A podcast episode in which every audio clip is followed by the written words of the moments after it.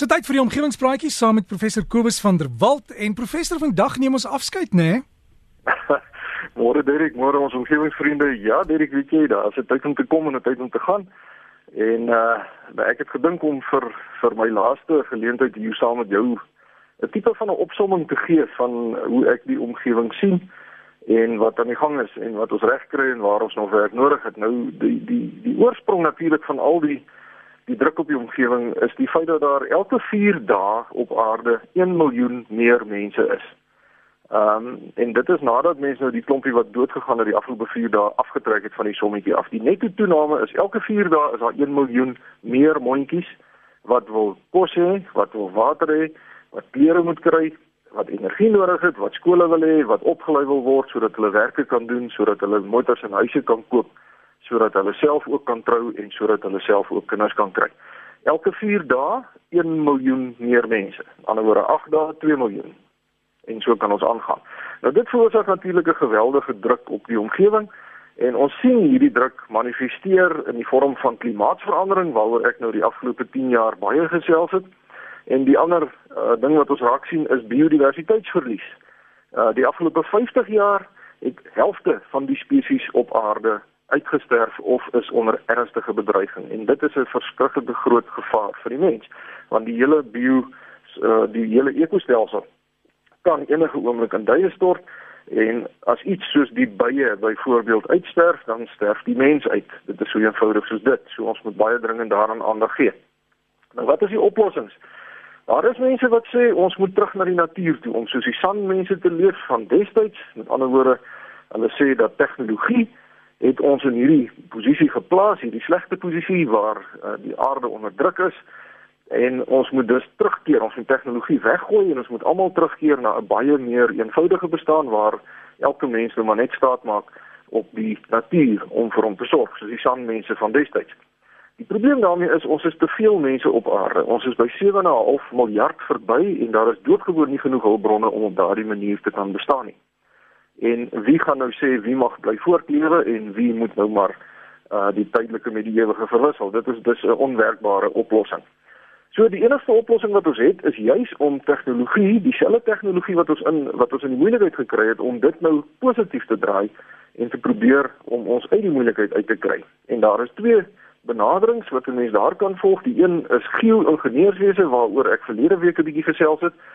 Uh maar dit is nog 'n ontwikkelende wetenskap en uh, die pogings om die klimaat te beheer is regtig in sy kinderskoene want dit is so 'n geweldige komplekse stelsel met sulke geweldige energie wat 'n rol speel dat die mens regtig nog maar net hier en daar 'n bietjie peter.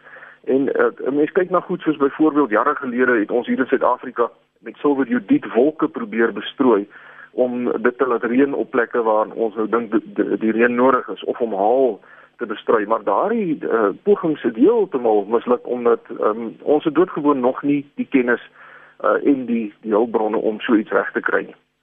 So dis die een poging wat ons uh, aanwend om nou die omgewing te beheer. Uh die ander benadering kan ek sê is om meer volhoubare tegnologie uh te pas en te ontwikkel en dit is waar op ek nogal baie gekonsentreer het die afgelope 10 jaar. Ehm um, ons moet minder hulpbronne gebruik. Met ander woorde, ons moet regtig elkeen gaan dink wat is die effek op die omgewing as ek 'n nuwe oorlosie of 'n nuwe hemp koop of uh, 'n nuwe enige iets, 'n nuwe wat ook al gister was dit nou swart Vrydag en die inkopie stormloop gaan voort. En ek wonder of enige een van daardie mense gaan dink, weet jy, het ek hierdie ding regtig nodig en hoeveel energie is gebruik, hoeveel steenkool is verbrand, hoeveel water is besoedel, hoeveel afval is geproduseer om daai nuwe oorlosie wat jy nou gister gekoop het of die nuwe wasmasjien wat jy nie regtig nodig gehad het nie, maar dit dan nou so 'n groot winskoop. Ehm um, het mense ooit daaraan gedink? Ons moet regtig minder hulpbronne gebruik en 'n een eenvoudiger en meer genoegsame lewenstyl aankweek, elkeen van ons. Dan tweedens, weet ek jy het bietjie vroeër gesels oor in Amerika waar die mense uh, toenemend na organiese boerdery kyk.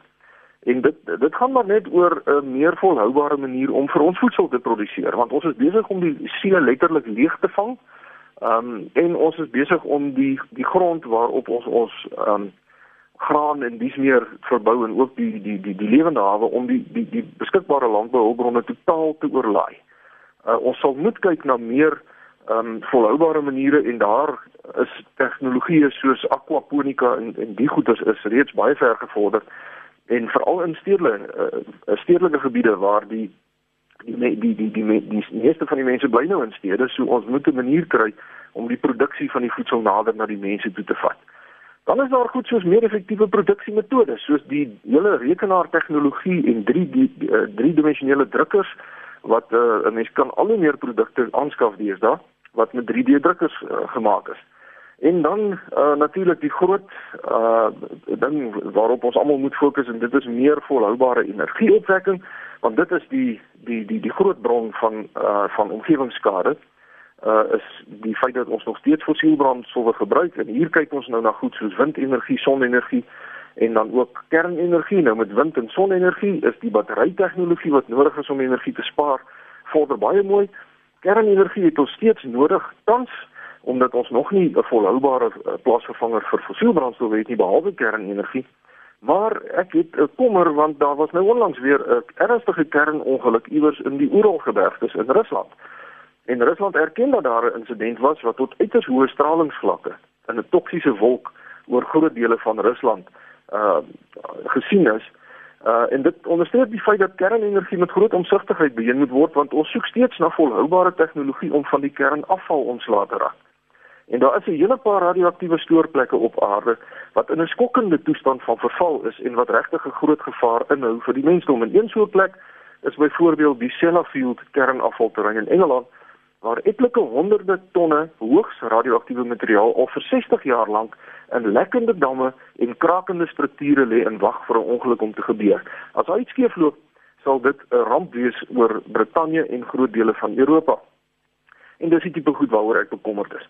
Maar uh, as ek nou uh, die optel sommetjie moet maak, Derek, dan is ek meer positief. Ek is meer opgewonde oor die toekoms as wat ek bekommerd is of negatief is.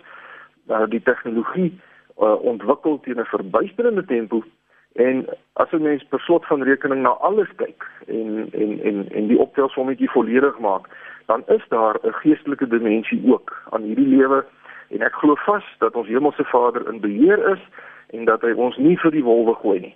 Um alles is in sy hand en daarom het ek baie baie mooi hoop vir die toekoms vir my kinders en my kleinkind um wat nou uh, toevallig vandag 5 weke oud is.